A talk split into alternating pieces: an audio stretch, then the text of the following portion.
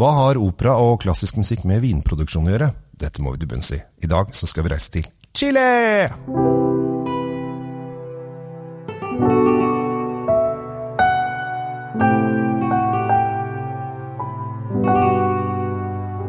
Hjertelig velkommen til Kjells vinkjeller. Eh, I dag så skal vi en tur til Chile. Vi skal til eh, en vin som heter Montes Reserva, en Cabernet Sauvignon. Eh, og dette her er en snodig greie. Fordi at jeg kom over et utenlandsk vinprogram som for en god stund siden sendte hadde en innslag om en produsent nede i Chile som var veldig opptatt av å spille klassisk musikk for vintønnene sine.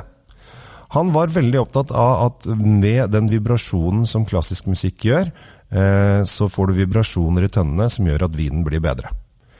Så tenkte jeg ja ja, dette her er jo, Kan det stemme? Det vet vi ikke.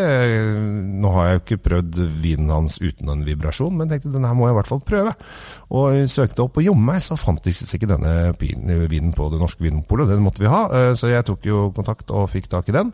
Eh, og har smakt meg gjennom eh, de tre røde de har, og der syns jeg alle var veldig gode. Jeg har valgt ut én som jeg vil snakke om i dag, og det er da Cabernet Sauvignon Montes Reserva Cabernet Sauvignon 2013. Eh, eh, fordi at eh, når jeg smakte denne vinen, så lukte øynene mine, og så tenkte jeg er det noe klassisk musikk her? Er det noe klassisk musikk her? Og eh, det var det jo i og for seg ikke. Eh, men jeg liker tanken. Jeg liker sånne mennesker som går ut av sitt eget skinn og gjør ting som er kanskje meningsløse, men de brenner for det. Og denne vinprodusenten brenner helt klart for, uh, for det at uh, klassisk musikk uh, og vintønner skaper vibrasjoner og lager god vin. Og Det kan hende at det er litt rett i det. for at, altså, Hvis det er litt vibrasjoner i vintønnene, så kan det hende at det blir litt mer smak, for det rugges litt i vintønnene, sånn at du overtar litt mer smak fra tønnene, kanskje. Så det er jo linjeakevitt. Grunnen til det er jo at de sitter og jugger, rugger på hverandre over Atlanteren og det, tilbake igjen, over eh, ekvator og tilbake igjen.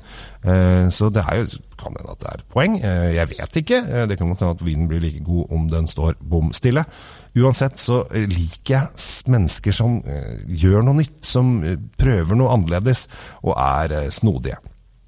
Dette er en uh, veldig kul uh, og deilig, fyldig vin. Veldig rund. Uh, dyp i smaken. Krydder. masse Det er masse vaniljesmak fra, fra, tønnene. Det er helt klart at den har ligget godt på tønne. og den er liksom sånn søtlig kanskje når du lukter på den og har den i glasset, den, det, jeg, det, det, er jeg veldig opptatt av, og jeg syns er deilig når du får en vin oppi glasset, og så kan du rulle den litt på glasset, så du får ut, begynner å kjenne aromaene av vinen. Og så sitter man bare og lukter og lukter og lukter, og lukter, og kjenner da eh, masse forskjellige lukter som kommer opp. Og her det var litt sånn, litt sånn søtlig, kanskje litt sånn karamellaktig duft, som jeg ikke har kjent så mye av før, som jeg syns var veldig god. Og den er på smaken så er den veldig rund og fin i munnen, og den sitter veldig, veldig godt. Og så tenkte jeg hva, hva, kan, det, hva kan, det, koste, tenker du sikkert, eh, når, det, når du har en vin som har både hørt sikkert Brahms og Mozart og Beethoven og, og alle de andre klassiske verkene. Jo, når du får en vin til 167 kroner som både er dyrka klassisk og har masse smak og dybde, da er det kjempebra. Så dette her er en eh, kjempekul greie. Det er 85 Cabernet, Cabernet Sauvignon og 15% Melot, så det er en liten eh, miks på det. Eh, men en fantastisk vin fra Chile. Og det, Chile er jo et uh, lavkostland når det gjelder eh, vin, så det er ofte litt billigere viner der det også. Eh, og dette her er kjempebra. Her tror jeg den kan passe perfekt med ordentlig biff, bearnés og french fries. Skikkelig sånn syden, sydenmat som man får på strandrestauranten.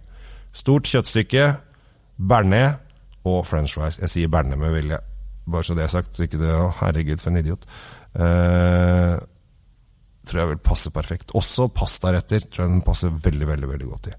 Det er masse smak, det er masse dybde i denne vinen. Og den sitter veldig, veldig deilig og godt i munnen. Så uh, ukas uh, vin er da en, en klassisk vin.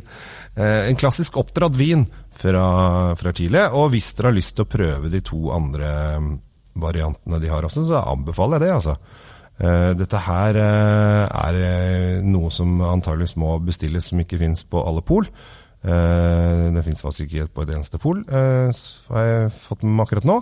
Så denne her må da bestilles, men det er kjempelett. Da går du enten går du inn på ditt uh, lokale pol og får de til å bestille for deg, koster det ingen, ikke en krone ekstra. Eller så ringer du Vinmonopolet, eller så får du deg Vinmonopol-appen. Det er det beste du kan få, og da kan du lett bestille kan du bare gå inn på Vinmonopol-appen, bestille vin på appen hjemme hos deg selv, betale, og så får du en melding etter tre-fire dager. Hvor du bare kan gå og hente den, og det er kjempe, kjempesmart. Så skaff deg Vinmonopol-appen. Den kan eh, nok lagres noen år, eh, og det, må den, eh, det kan godt hende at den blir bedre av det. Det er 2013 som er ute nå, så den er jo allerede blitt fem år gammel. Så kan helt sikkert lagres i en fem, seks, syv, åtte år til hvis du har lyst til det. Men dette her er en vin som jeg bare anbefaler å bare slurpe ned på, for dette her dette er godt. Det er deilig. Å, jeg koser meg sånn når jeg får lov å fortelle masse godt om gode viner, og håper at dere liker det dere hører også. Jeg heter Kjell Gabriel Eikel Henriks. Ønsker deg en riktig fin vindag videre. Og ta vare på deg sjæl og ta vare på helsa, og kos deg.